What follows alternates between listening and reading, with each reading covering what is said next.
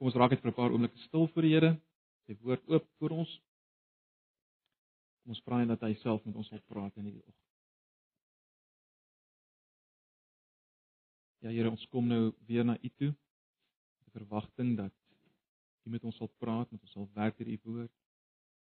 Here, ons het U nodig. Ons het nodig dat U met ons sal praat. Ons sal bemoedig, sal versterk, 'n nuwe perspektief sal gee. Dankie ook vir die tekens wat ons uiteindelik gaan gebruik vir oggend wat U ook juis gee vir ons swakheid. Ons gesukkel om te vat wat U vir ons sê om te glo. Dankie dat ons ver oggend tekens het om ons te help. Ons eer U daarvoor.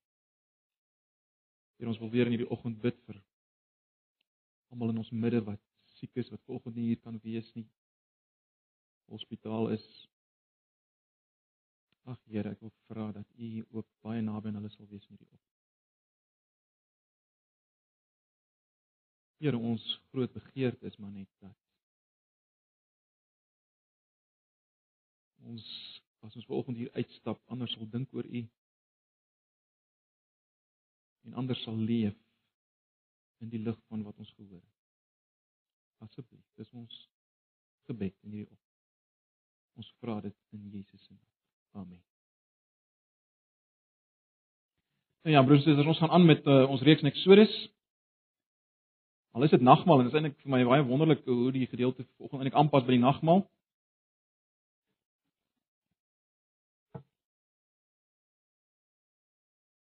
Volgende gedeelte wat ons uh, moet na kyk is Eksodus 24 en 25. So dis 24 en 25. Ons kan weer eens nie alles lees nie. Ehm um, maar asseblief maak die Bybels oop want ons gaan wel gedeeltes lees uh, en dan kyk.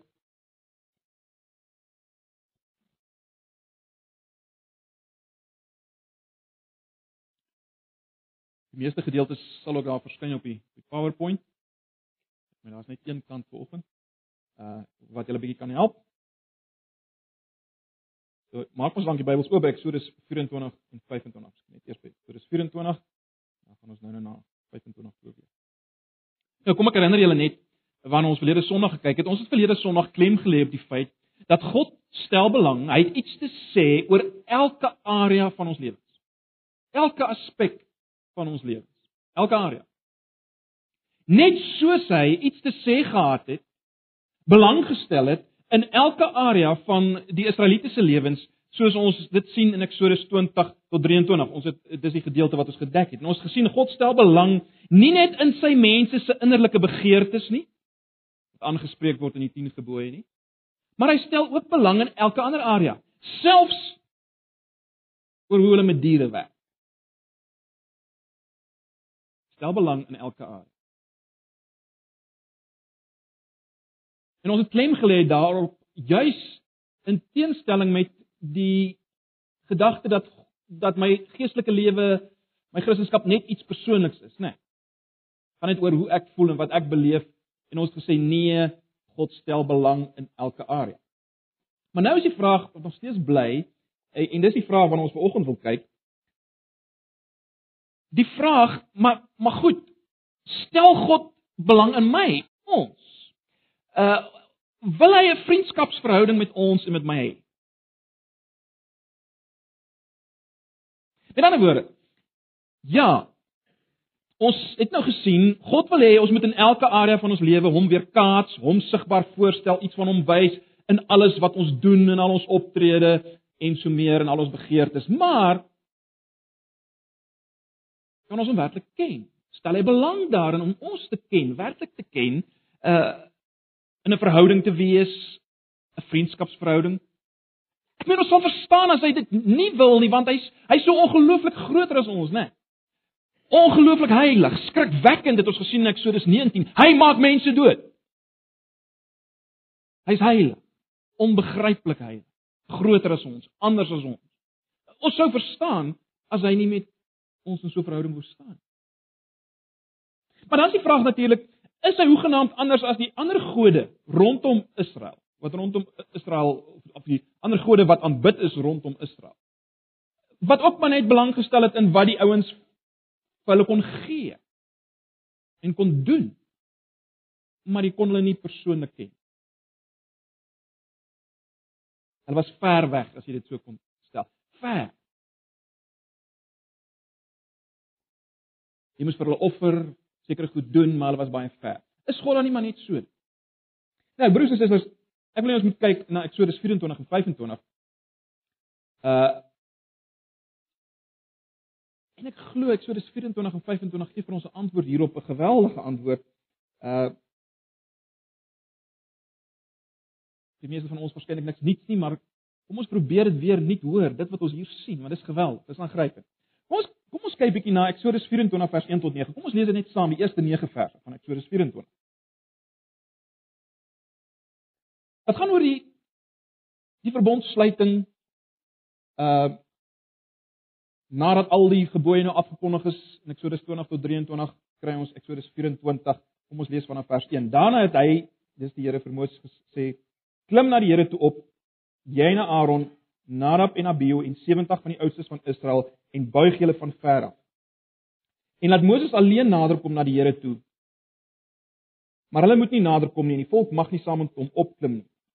Toe Moses kom en aan die volk al die woorde van die Here en al die verordeninge vertel, antwoord die hele volk met een stem en sê: "Al die woorde wat die Here gespreek het, sal ons doen."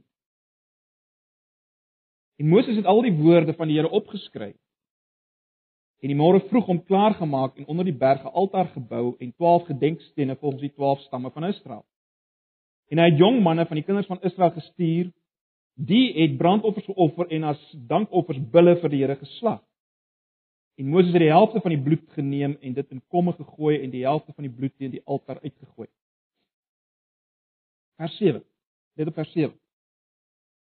Maar ons miskien net daai teksgedeelte daar opkry dat die die wat nie Bybel het nie kan sien. Vers 7 is belangrik. En hy het die boek van die verbond geneem en dit voor die ore van die volk gelees en hulle het gesê alles wat die Here gespreek het sal ons doen en luister aan vers 8 toe neem Moses die bloed en gooi dit uit oor die volk en sê dit is die bloed van die verbond. Dit is die bloed van die verbond wat die Here met julle gesluit het op grond van al hierdie woorde. Daarop het Moses opgeklim met Aaron, Nadab en Abihu en 70 van die oudstes van Israel.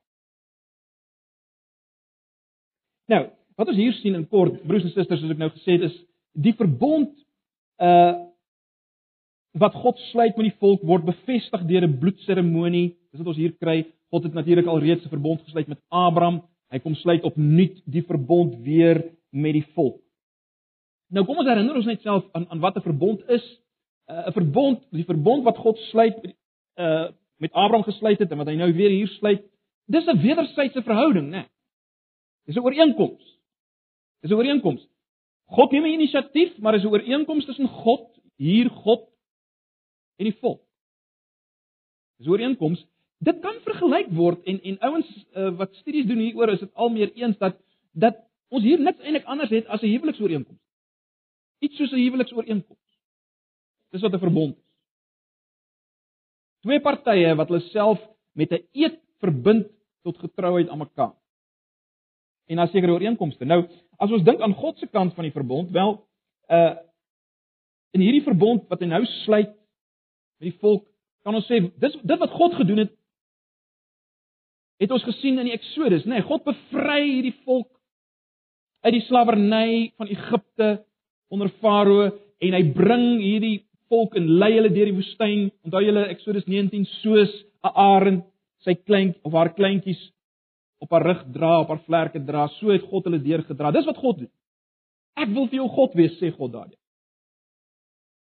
Soos 'n arend haar kleintjies versorg, so die Here hulle gedra en verlos uit Egipte uit en deur die woestyn gelei. Die volk se kant van die ooreenkoms sien ons baie duidelik hier. Hulle verbind hulle self daartoe. Eh, in vers 3 en vers 7 van van Eksodus 24 sê hulle wel, hulle gaan al hierdie dinge wat hulle nou gehoor het in Eksodus 20 vers uh, 20 tot 23 wanneer ons gekyk het verlede Sondag, hulle sal al hierdie dinge doen. Hulle verbind hulle self daartoe. So wat ons hier kry in in hierdie vers in Eksodus 24 is God uh, of althans Moses wat wat die wet herhaal uh en as hulle dan instem daartoe dan skryf hy dit neer hy rig 12 pilare op wat natuurlik staan vir die 12 stamme van Israel met ander woorde dit geld vir die hele Israel uh dis permanent soos daai pilare pale permanent is soos hierdie ooreenkoms, hierdie verbond permanent. En dan gooi Moses die helfte van die bloed op die mense. So ons sien onmiddellik hier weer eens die belangrikheid van van bloed en van offers, né? Nee. Uh, is interessant, na die bloed word hier spesifiek verwys as die bloed van die verbond. En onthou dit so in julle agterkoppe. Hier word verwys na die bloed van die verbond. Julle het dit gesien, ek het dit daar in geel gehad. Dit word verwys na die bloed van die verbond. Waarom bloed? Wel, ons moet in die eerste plek onthou dat uh, sulke bloedseremonies was was eintlik algemeen gewees in die in die ou nabye ooste en en wat jy daarmee sê met hierdie bloedseremonie is dit mag my bloed so vloei gestort word as ek nie my kant van die verbond nakom nie. Dis nie dis die erns waarmee ons hier te doen het. Jy sê per definisie mag my bloed so vergiet word as ek nie my kant van die verbond nakom nie. Dis wat eintlik gebeur het in hierdie verbondsluitings. Dis wat wat die bloed voor waarvoor die bloed gestaan het. Nou ons sien natuurlik iets van God se genade hier, né? Nee. Hulle het dit nog nie heeltemal so verstaan nie. Hulle het nog nie so heeltemal so ingesien nie. Hulle het nog nie regtig verstaan dat hulle nie hulle kan kan nakom nie. En en daarom die die, die feit dat hierdie bloed eintlik die feit dat ander bloed gestort word en en uitgegooi word oor hulle. Dis eintlik God se genade dat dat dat God ander bloed aanvaar in hulle plek. Hulle het nog nie heeltemal so verstaan.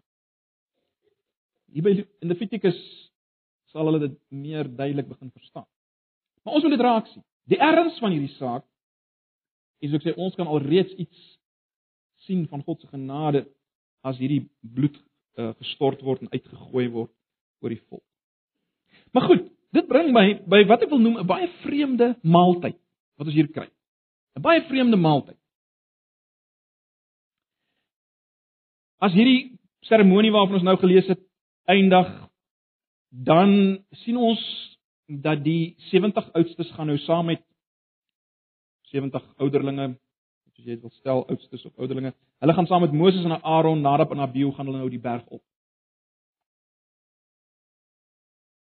En dan het hulle 'n buitengewone belewing. Dis 'n aangrypende belewing in vers 9 tot 11. Kom ons lees vers 9 tot 11. Van Eksodus 24. So dis nou na hierdie onthou nou dis nou na hierdie bloedseremonie, na die offer, dan vers 9 tot 11. Daarop het Moses opgeklim met Aaron, Nadab en Abihu en 70 van die oudstes van Israel. Vers 10 en hulle het die God van Israel gesien En onder sy voete net soos 'n vloerwerk van safierstene en so helder soos die hemel self. Geweldig. Hulle het God gesien. Nou, ons moet verstaan soos in al die ander sien van God geleenthede word hier nie iets gesê van van God se aangesig, die voorkoms van sy aangesig nie, meer iets van van dit wat rondom hom as te ware voorkom, né? Nee. Want niemand het God in 'n sekere sin self gesien nie. Ons weet dit uit uit 'n eh, uit Johannes 1 vers 18. Uh niemand het God ooit gesien van aangesig tot aangesig en bly leef nie, maar het iets van God gesien. En hier word word dit wat as te ware onder God se voete is word uitgelig, né? Nee. Die grond onder sy voete. Maar die punt is hulle het God gesien. Hulle was in God se teenwoordigheid. Dit het ons beraad. Hulle was in God se teenwoordigheid. Maar geweldig, let nou op, die element van gemeenskap tussen God en sy mense wat wat sentraal is tot die verbond. Ek wil vir jou God wees, jy moet my volk wees. Daai element word baie duidelik uitgelig in vers 11, 'n aangrypende vers. God het geen hand teen die leiers van Israel gelig nie. Hulle het hom gesien en daarna het hulle geëet en gedrink. Dis aangrypend, hoor. Onthou nou wie is die God wat hulle nou sien en saam eet en drink. Dis dieselfde God wat in Eksodus 19 op die berg verskyn het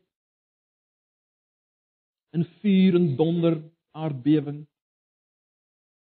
Selfe God het gesê, "Moet moenie laat iemand deurbreek nie want hy gaan sterf." Nou sien hulle God. Hulle eet en drink saam. Dieselfde God van Eksodus 19.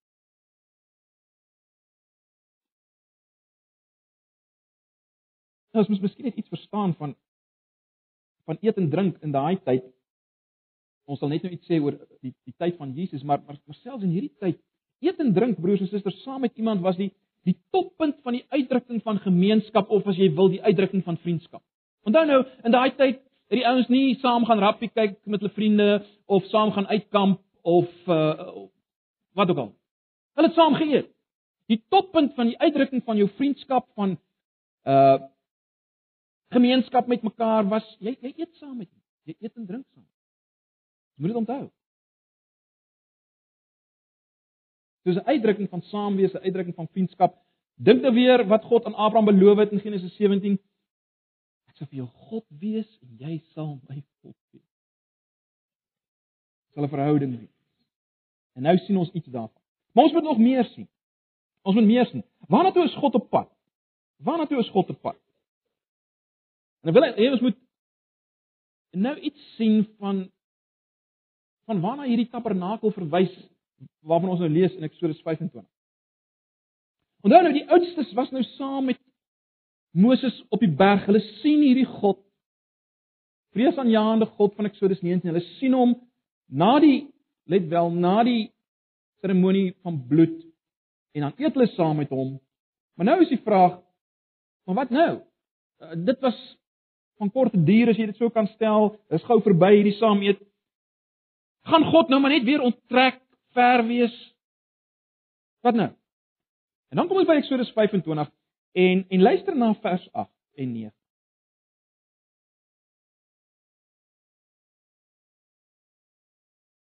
Wat sê God vir Moses? Hulle, dis die volk, moet vir my 'n heiligdom oprig dat ek tussen hulle kan woon. sien julle dit? Hulle moet vir my 'n heiligdom oprig dat ek tussen hulle kan woon vers 9 die tabernakel en al sy toebehore moet gemaak word presies volgens die plan wat ek jou gewys. Wat ons dan kry hier in Eksodus 25 broers en susters is instruksies vir Moses om eerstens uh die materiaal in te samel, al die materiaal wat nodig is vir hierdie komplekse tentstruktuur wat hy nou gaan oprig. Hy moet dit insamel onder die Israeliete, dan gee God detail instruksies vir die oprigting daarvan.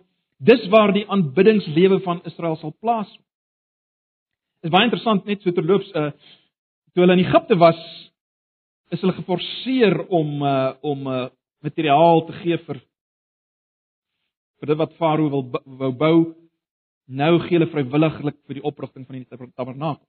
Maar in 'n geval, hoe dit ook al sê, ons kan vreeslik klinies dink oor hierdie tabernakel en al die goed wat daar is. Ehm um, vreeslik tegnies raak oor al die dele daarvan. Ons ons gaan volgende Sondag of oor twee Sondae waarskynlik bietjie meer kyk na wat ons kry daar, maar ons moenie die groot punt mis van die tabernakel nie, né? Ons moenie die groot punt van die tabernakel mis nie. Wat is die punt? God wil daar tussen sy mense woon. Dis die punt van die tabernakel. Nie my ouens besig te hou met iets nie. God wil daar tussen hulle woon. En en is geweldig as mens daarna kyk, omtrent 'n derde van Eksodus word in beslag geneem deur hierdie eerstens die die planne vir die tabernakel en dan weer word dit herhaal soos dit gebou word, 'n derde van Eksodus. Wat sê dit vir ons? So 'n woonplek kan nie ligtelik opgeneem word. Want wie gaan in hulle midde woon? Wel die God van Eksodus 19 gaan in hulle midde woon. Dat nog nooit so iets gebeur nie. En nou broers en susters, as mens fyn kyk hier, en dan kan mens nie anders as om te sien dat dit wat hier gebeur in die tabernakel se bou en dit wat ons in die tabernakel kry, wil ons terugvat en is dat daar's geen twyfel daarin nie. Eh, ek het nou nie tyd om alles uit te lig volgens nie, maar dit is fascinerend om te sien dat God wil hê hulle moet verstaan dat hy is op pad om terug te beweeg na die tuin van Eden. Na dit wat daar plaasgevind het. Ek wil net enkele dinge uitlig. Kyk na Eksodus 24 vers 16. Net voor Eksodus 25. Eksodus 24 vers 16, daar lees ons die magtige teenwoordigheid van die Here het op Sinaï berg gebly en 6 dae het die wolk die berg omhul.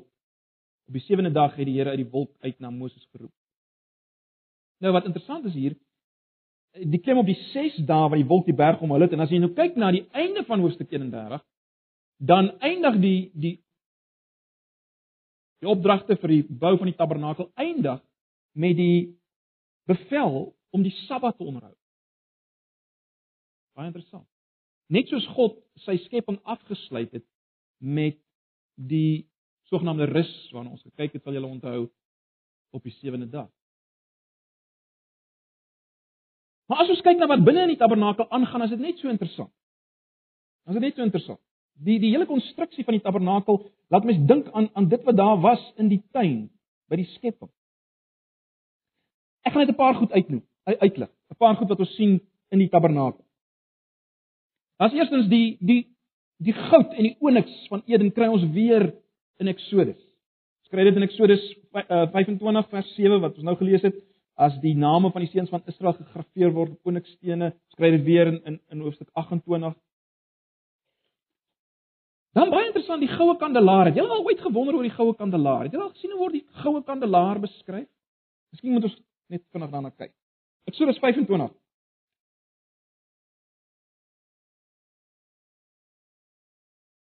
Kyk nou, Eksodus 25 vanaf vers 31. Kyk hier na daai kandelaar. Weet jy of ons julle dit al raak gesien het? Eksodus 25 vers 31. Ek gaan nou nie die vers daarop sit nie. Volg dit maar in julle Bybels. Uh Eksodus 25 vanaf vers 31. Jy moet 'n kandelaar van suiwer goud maak. Dit moet van uh geslaag goud wees sodat die kandelaar se voet se voetstuk stam blomkelke knoppe en kroonblare alles een geheel is. Daar moet ses arms uit die stam vertak, drie aan elke kant. Daar moet ook drie blomkelke in die vorm van amandelbloeisels met knoppe en kroonblare aan elke arm van die kandelaar wees. En dan gaan hy so voort. Heeltyd hierdie hele saak van 'n stam en kelke en knoppe en blomme. Nou broers en susters, daar's min twyfel onder uh die geleerde ouens wat baie tyd spandeer aan hierdie goed. Daar's min twyfel dat hierdie kandelaar moes herinner aan aan die boom van die lewe in die in die tuin. Dis dis wat wat hierdie kandelaar as te ware opgeroep het. Dan het jy ook gerubs gekry in hierdie tabernakel. Eksodus 25 vanaf vers 18 tot 22. Uh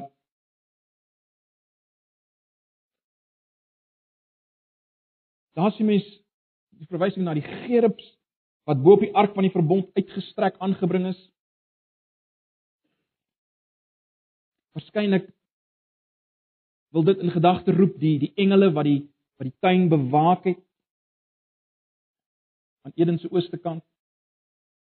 En so kan ons aangaan. Al wat ek wil hê is julle moet raak sien. God wil hê julle moet verstaan wat hier in die tabernakel aangaan is dit. Hy wil by julle kom woon soos hy gewoon het. Genesis 1 en 2. Hierdie tabernakel moes iets weerspieël van die tuin van Eden. God se woonplek by mense. God is besig om terug te keer. Hy wil weer wees by sy mense soos in Genesis 1 en 2. Dis waar die tabernakel gaan, woonplek vir God. En alles in daai tabernakel skree een ding uit. Dis God se woonplek. Dis soos die tuin.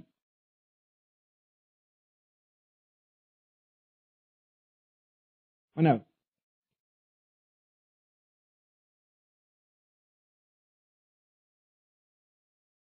As Here wil, so ek gesê het, sal ons nog kyk na hierdie tabernakel en, en en wat ons daar raak sien, wat belangrik is vir ons, maar vir oggend is die belangrike vraag.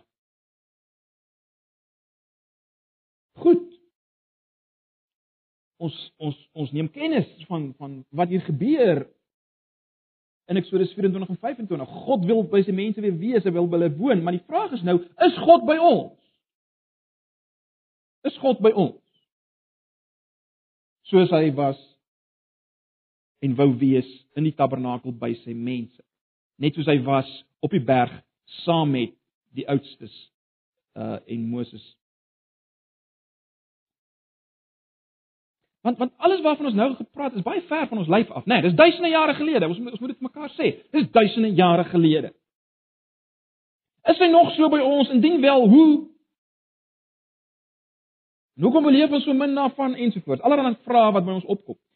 Nou kom ons dink net bietjie deur hierdie vraag. Kom ons dink aan aan wat ons lees in Matteus 1 vers 23. Ons almal ken dit.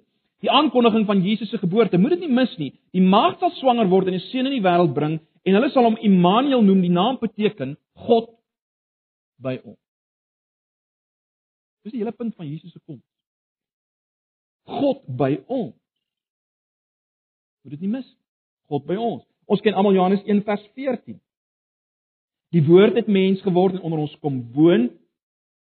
Ons het sy heerlikheid gesien, die heerlikheid wat hy as die enigste seun van die Vader het, vol genade en waarheid. Nou ag, julle het al baie dit gehoor, ek sê dit maar weer, die woord wat gebruik word in die Grieks met uit onder ons kom woon is die woord tabernakel, né? Nee, ons ons weet dit al almal. Letterlik die woord het mens geword en onder ons kom tabernakel. En ons het sy heerlikheid aanskou. Hulle heerlikheid wat ons later sal sien gesien word in die tabernakel, die heerlikheid van God. Daardie heerlikheid is gesien as jy na Jesus gekyk het. Het God gesien, sy heerlikheid gesien. Nie 'n mannetjie met wit haartjies en skapies in sy arms nie. Nee, nee, nee, die heerlikheid van God jy gesien. Na Jesus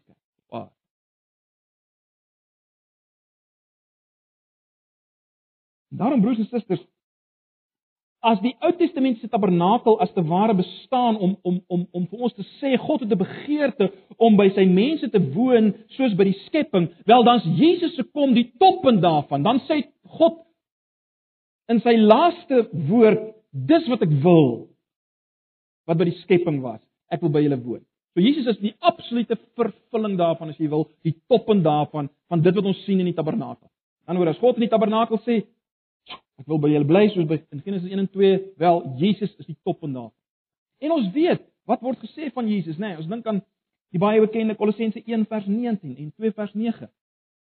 Uh, wat Paulus sê dit het die Vader behaag dat in hom, dis in Jesus, die ganse volheid sal woon.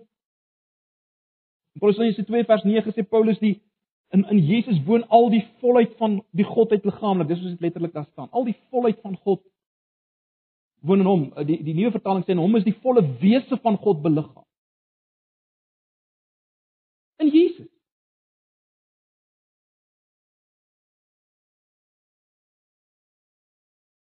Meer nog is baie duidelik Jesus was die tabernakel van God toe hy op aarde was.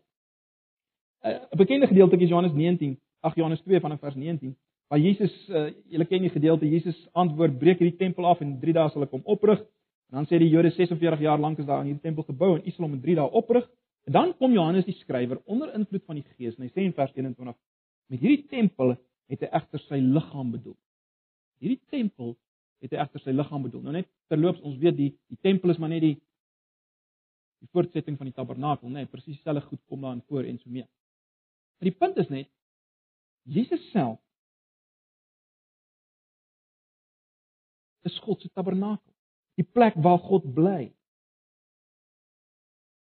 Nou, weer eens, ons sal nog praat oor die tabernakel uh oor twee sonnae ons, baie meer hieroor sê, maar ek wil hê ons moet hierdie een aspek van die tabernakel vanoggend vasvat en op fokus, naamlik God se blyplek in die tabernakel, né? Nee. En en en en in die lig van hierdie gedeelte broers en susters, kan ons sê dat toe Jesus op aarde was, en ons het dit al vir mekaar gesê, toe Jesus op aarde was, was die plek waar God gewoon het, Jesus.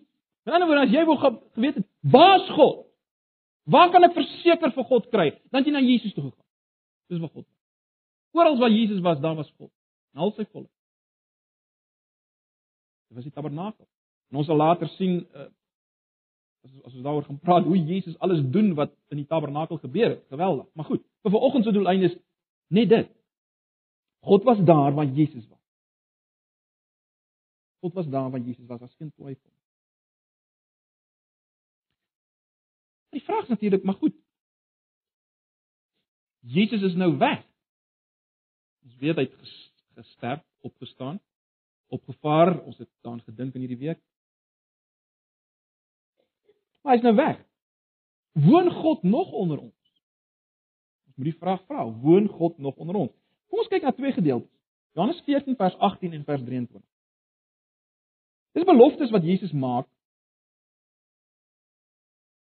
oor die tyd wanneer hy gaan wegwees. Kyk na vers 18 van Johannes 14. Ek sal julle nie as weeskinders agterlaat nie. Ek kom weer na julle toe.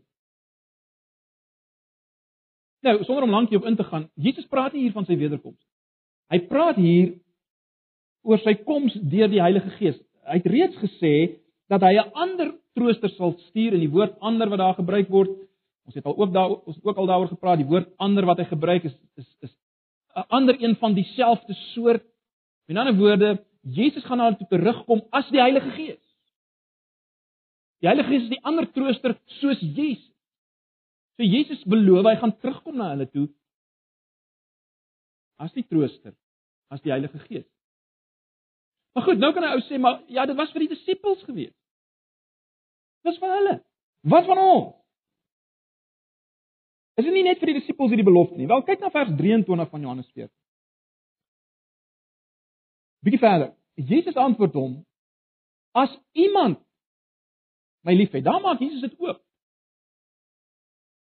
Hy beperk dit nie net op die disippels nie. Hy sê: As iemand my liefhet, sal hy my woorde ter harte neem en my Vader sal hom liefhê. Luister nou hierna. En ons sal na hom toe kom en by hom woon. Dis nie aangrypend nie. Ons moet raak sien. Ons lees so maklik oor hierdie goed. Hulle God van Eksodus 19 en Jesus van die Nuwe Testament sê hulle sal by mense kom woon.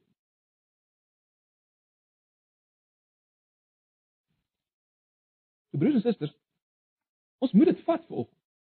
Maar nie saak wat ons belewing op hierdie oomblik is as ons hier sit nie, wel, dis die belofte. Ons kan met sekerheid weet dat God die Vader en die Seun wil by ons en kan by ons en sal by ons woon. Maar kom ons vra vra nog 'n vraag.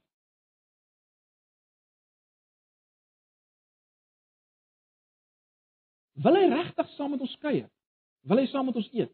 So saam met die oudstes? Wil God saam met ons eet? Kom ons kyk 'n bietjie na Matteus 26. Matteus 26. Nou dis die instelling van die nagmaal wat ons net nou gaan vier. En in vers 20 van Matteus 26 lees ons die volgende. Toe dit aangeword het, het Jesus sy plek aan die tafel ingeneem saam met die 12. Toe dit antwoord het Jesus sy plek saam aan tafel ingeneem met die 12.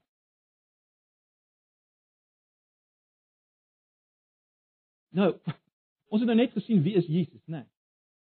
Jesus is die een in wie die volle wese van God beliggaam. Maar goed.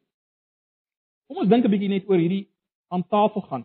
Uh, ek het net nog iets gesê oor oor die, die hele kwessie van saam eet in die Ou Testament se tyd, maar in die tyd uh, waarin Jesus geleef het, broers en susters, was die sogenaamde tafelgemeenskap met mekaar geweldig belangrik, né? Nee. Uh tafelgemeenskap was nie soos baie keer eet is vir ons maar baie keer soort van 'n haastige affære is. Uh, ek wil net klaar geëet kry nie. Tafelgemeenskap was iets baie besonders geweest. Ek gaan net nou weer iets daaroor sê, maar weer eens, dit was iets wat 'n baie ryk simboliese betekenis van vriendskap, intimiteit en eenheid gehad. Tafelgemeenskap. Jy saam met iemand aan tafel gegaan het, sê jy daarmee ek wil gemeenskap hê met hierdie persoon, ek wil vriendskap hê met hierdie persoon. Ek is intiem met hierdie persoon, daar's 'n eenheid tussen my en hierdie persoon. Terloops, uh daarom was dit so geweldig geweest om iemand wat saam met jou aan tafel was te verraai. Dit was ontsaglik om iemand te verraai wat saam met jou aan tafel was. Maar goed, positief gestel. As jy vervreemdes, as ek dit so kan stel, mense wat vervreemd is van jou, as jy hulle weer nooi om saam met jou tafelgemeenskap te hê, wel, dan word die pad na verzoening geopen. Dit is 'n geweldige statement, 'n stelling dat jy wil verzoening hê met mense as jy hulle genooi het om tafelgemeenskap met jou te hê. Nou, julle ken die nuwe of julle weet wat in die Nuwe Testament gebeur het. Die die kontras tussen Jesus en die godsdienstiges van sy tyd lê juis rondom hierdie hele saak van tafelgemeenskap, as mens dit so kan stel, né? Nee. Geweldig. Kyk, die Fariseërs hulle wou hulle tafels by die huis as te ware inrig as plaasvervangers vir die Here eh, vir die Here se altaar in die tempel. En daarom wou hulle hulle huishoudings in 'n soort van 'n staat van seremoniele reinheid hou. Daarom het hulle nie geëet saam met ouens wat nie hulle hande gewas het. Dis alweer daar's verwysings daarna. Hulle wou hierdie ete absoluut net hou vir hulle self. Hulle eie huishouding wat dan absoluut seremonieel rein sou wees. Dis die ouens wat saam met hulle geëet het. En nou kom Jesus op die toneel en julle ken dit. En Jesus het wat ons kan noem 'n oop tafelgemeenskap.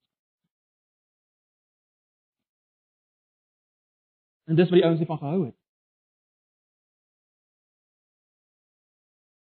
Jesus nooi die ouens uit om saam met hom te eet wat die Fariseërs nie eers sou aangevat het nie. Hy nooi hulle uit, nee, dis die geweldige. Die tollenaar.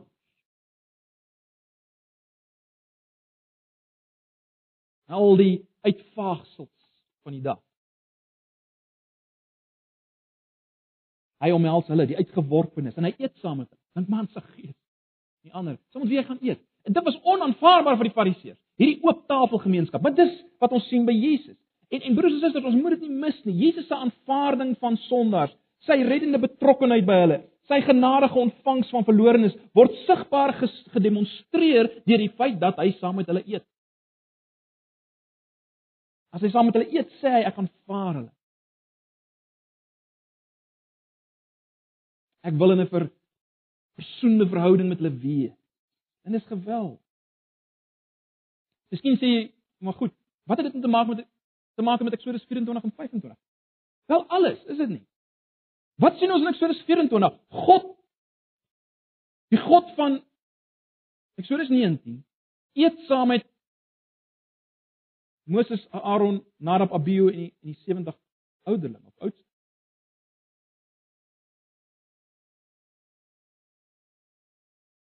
En daardie selfe God in Jesus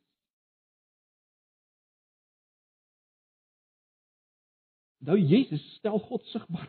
Jesus is die sigbaar wording van God Johannes 1 vers 8. Iemand het ooit gesien die enigste seun het hom kom wys. Dis God. Daardie selfe God kom eet nou in die Nuwe Testament saam met gebroke sondaars uitgeworpenes. Ek meet saam met hulle. Hulle saam met hulle tafelgemeenskap het. Hulle saam met hulle eet en drink. Hoe op aarde is dit moontlik? Hoe op aarde is dit moontlik? Wel, weer eens broers en susters, op dieselfde manier as wat dit moontlik was dat die oudstes kon eet saam met God. Onthou julle wat het vooraf gegaan aan die eet saam met God op die berg? Wel, die verbondsluiting in die bloed. Baie interessant. Kyk na Matteus 26 vers 27 en 28.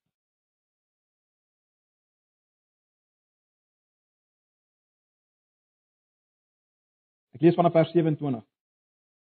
Toe neem hy dis Jesus 'n beker en nadat hy die dankgebed uitgespreek het, gee hy dit vir hulle en sê: "Drink almal daaruit."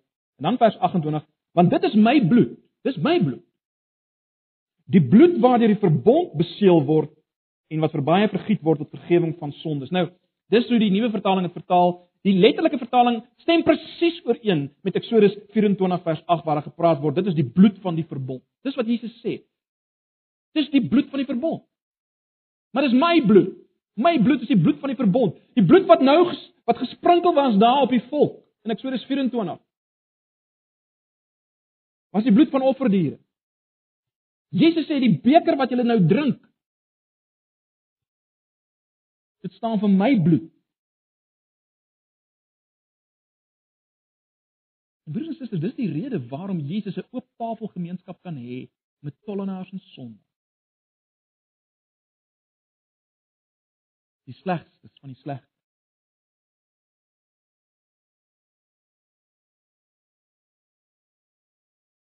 Ons verstaan nou die die vloei van die bloed soveel beter in 'n sekere sin as wat die ouens in Eksodus 24 het verstaan. Ons weet nou daar is nie 'n manier hoe ons God in elke area van ons lewe kan eer en vereer en doen wat hy wil nie. Ons slaag nie daarin nie. Ons verbreek die verbond. Ons bloed moet vloei. En die ongelooflike ding van die Nuwe Testament en dit wat ons vanoggend gaan vier, sê vir ons God self, God die Seun, nie 'n derde onpersoonlike neutrale persoon nie. God die Seun, selfe God.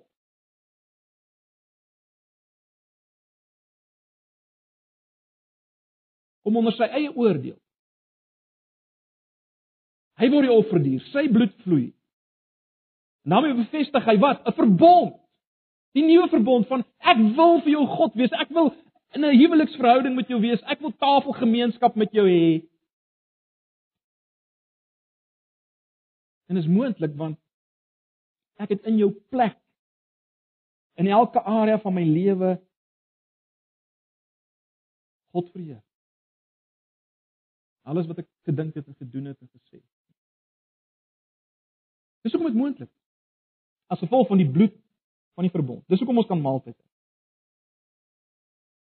Broers en susters, ons ons moenie die nagmaal ligtelik opneem nie. Die nagmaal is tafelgemeenskap saam met Jesus. Hoor ons dit? Die nagmaal is tafelgemeenskap saam met Jesus. Ons eet en drink, as ons volgende hier eet en drink, eet en drink ons saam met Jesus. Baie interessant, net so net so terloops. In die Nuwe Testament sien ons nêrens dat die disippels die graf vereer het nie. Hulle het nooit gaan blomme opsit by die graf van Jesus. Want jy sit blomme op by iemand se graf wat dood is. Maar hulle het geweet Jesus lewe. En daarom lees ons in Handelinge, julle julle julle weet dat Handelinge begin en dan sê sê die skrywer sy eerste brief of sy eerste boek Lukas Evangelie het gegaan oor wat Jesus begin doen en leer het. Die implikasie is wat ons nou kry in Handelinge is dit wat Jesus voortgaan om te doen. As die Heilige Gees. Hulle het geweet Jesus is nie weg nie. Hy's by hulle. En daarom as ons tafelgemeenskap het, is Jesus hier. Hy's hier. Hy's teenwoordig deur sy woord, maar ook deur die tekens of as jy wil die sakramente. Deur sy Heilige Gees. Hy's nie fisies hier nie, ja, ek weet dit. Maar hy's deur sy Gees hier. Hy is deur sy Gees hier en ons moet dit glo, ons moet dit vat. Ag, dit is so belangrik dat ons dit vat. En daarom kan ons net soos die tollenaars en die sondaars in die tyd van Jesus gemeenskap met hom gehad het, dit vanoggend hê. Nie omdat ons oulik is, nie omdat ons Moses is, maar omdat sy bloed gevloei het. Dis die enigste rede.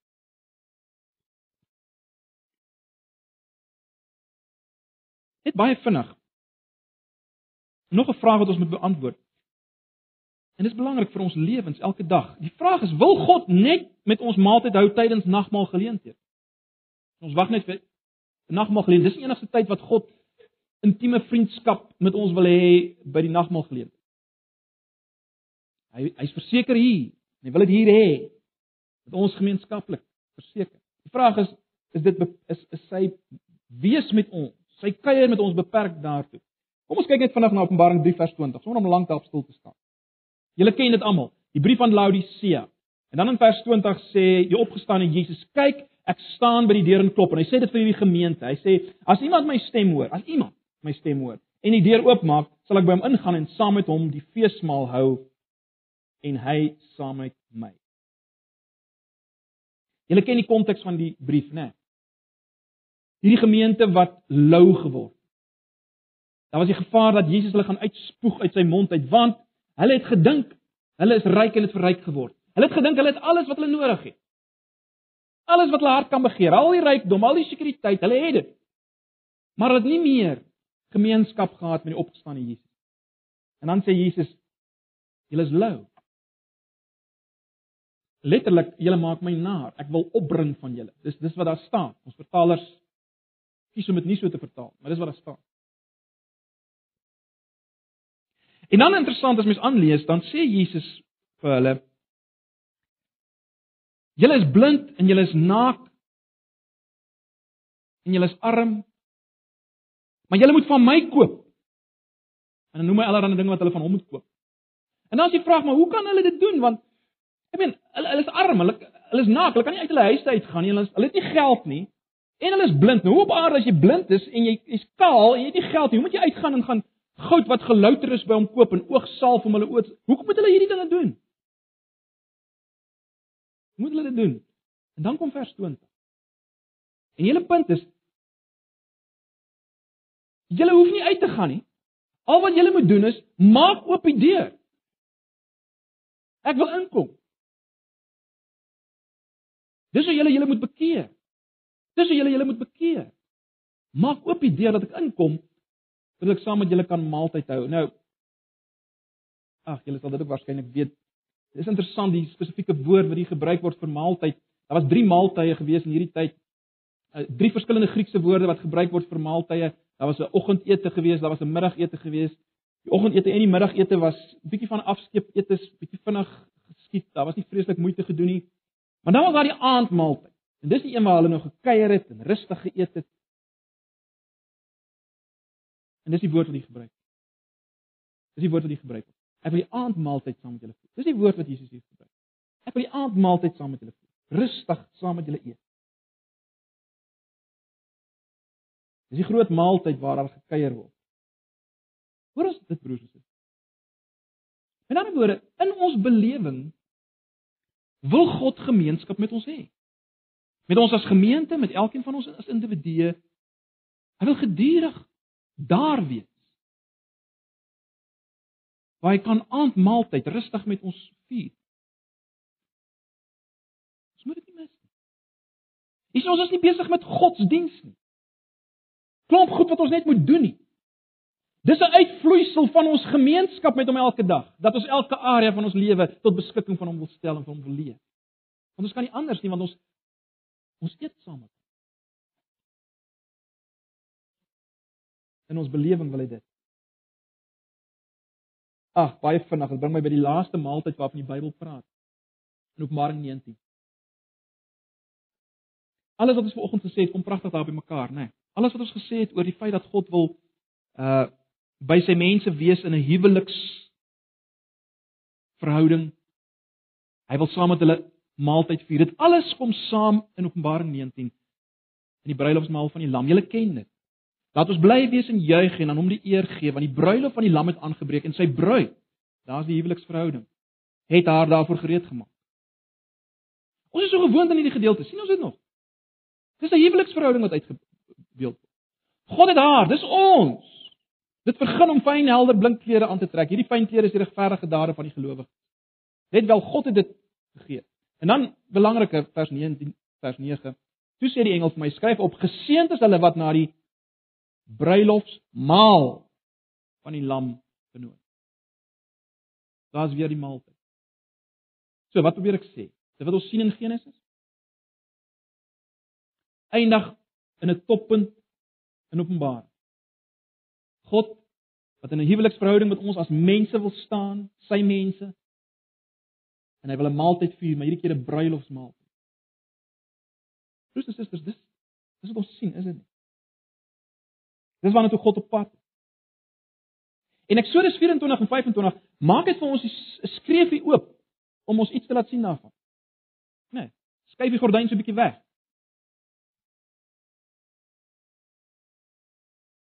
Dit wys vir ons wat God nog altyd wou en waarna toe hy op pad is met mense. Niks anders. Ek sluit af.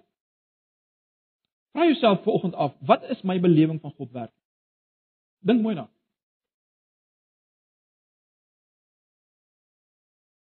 Is God vir my maar net die skepper, die eerste oorsaak van dinge, daar ver, hy's afsydig. Hy meng nie eintlik in nie. Hy gee nie eintlik om wat ek doen nie. Hy weet nie eintlik wat ek doen nie. As jy so ver af idee van God het, wel, dan is jy besig met 'n verkeerde God, punt nommer 1. En, en jy weet niks van Christendom, punt nommer 2.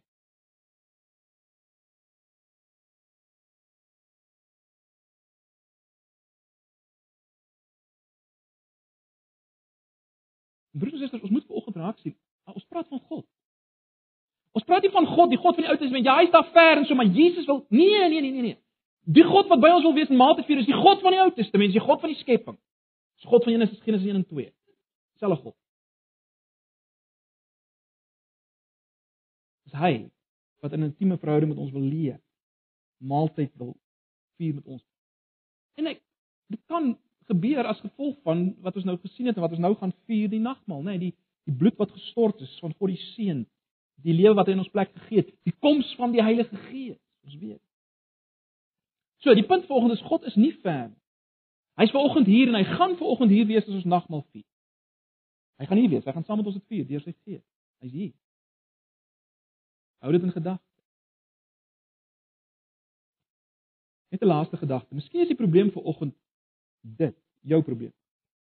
Miskien is jou is die probleem dat jy nie met God wil maaltyd vier. Dis moontlik. Dis moontlik dat jy nie met God wil maaltyd vier nie. En en kom ek stel dit 'n bietjie anders. Dis moontlik dat God nie met jou kan maaltyd vier nie. Hoekom nie? Want daar sit ander gode aan jou tafel besig om met jou maaltyd te vier.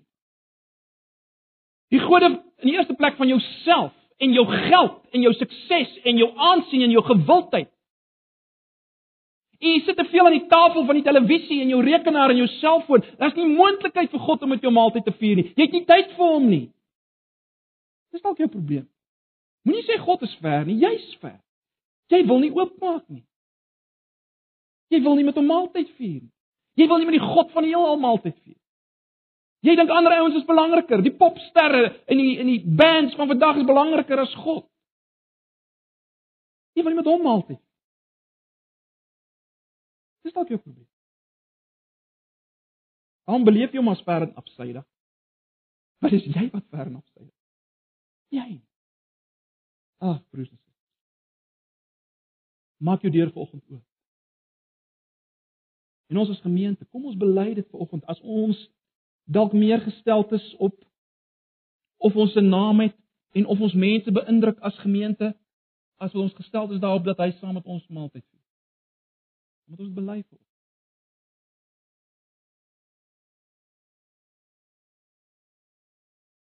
Gee 'n paar oomblikke van stil gebed. Kom ons kom na hom. Hy's hier. Deur sy gees en hy's hier aan tafel saam met ons. En ek wil hê jy met jouself vanoggend om te bring en sê Here, U weet alles. U weet alles. Kom bely daar waar dit nodig is om te bely.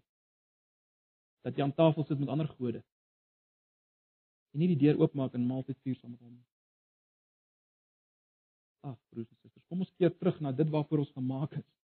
Dit wat God vir ons wil hê. Maaltyd met hom. Kom ons bid saam. Ek 'n paar oomblikke van stil gebed en dan wat ons afsluit en dan gaan ons voort in die nag.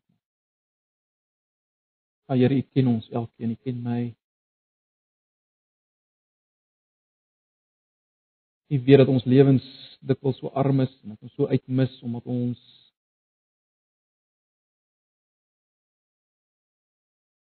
nie gemeenskap het met U rond die tafel nie. Nie tyd maak om met U te kuier nie. Here ons bely dit as die grootste sonde van alles. En daardeur draai ons ons rug op dit waarvoor ons gemaak is. Here my gebed vir oggend vir myself en vir ons elkeen is dat U ons sal vergewe op grond van die tekens wat ons nou op grond van dit waarvan die tekens wat ons nou sien praat die bloed wat gevloei het vir ons in ons plek vir ons wegdraai van U. Geef ons grond daarvan. Ag Here. En ons wil vir U nou welkom sê by hierdie maaltyd wat ons saam gaan eet met U.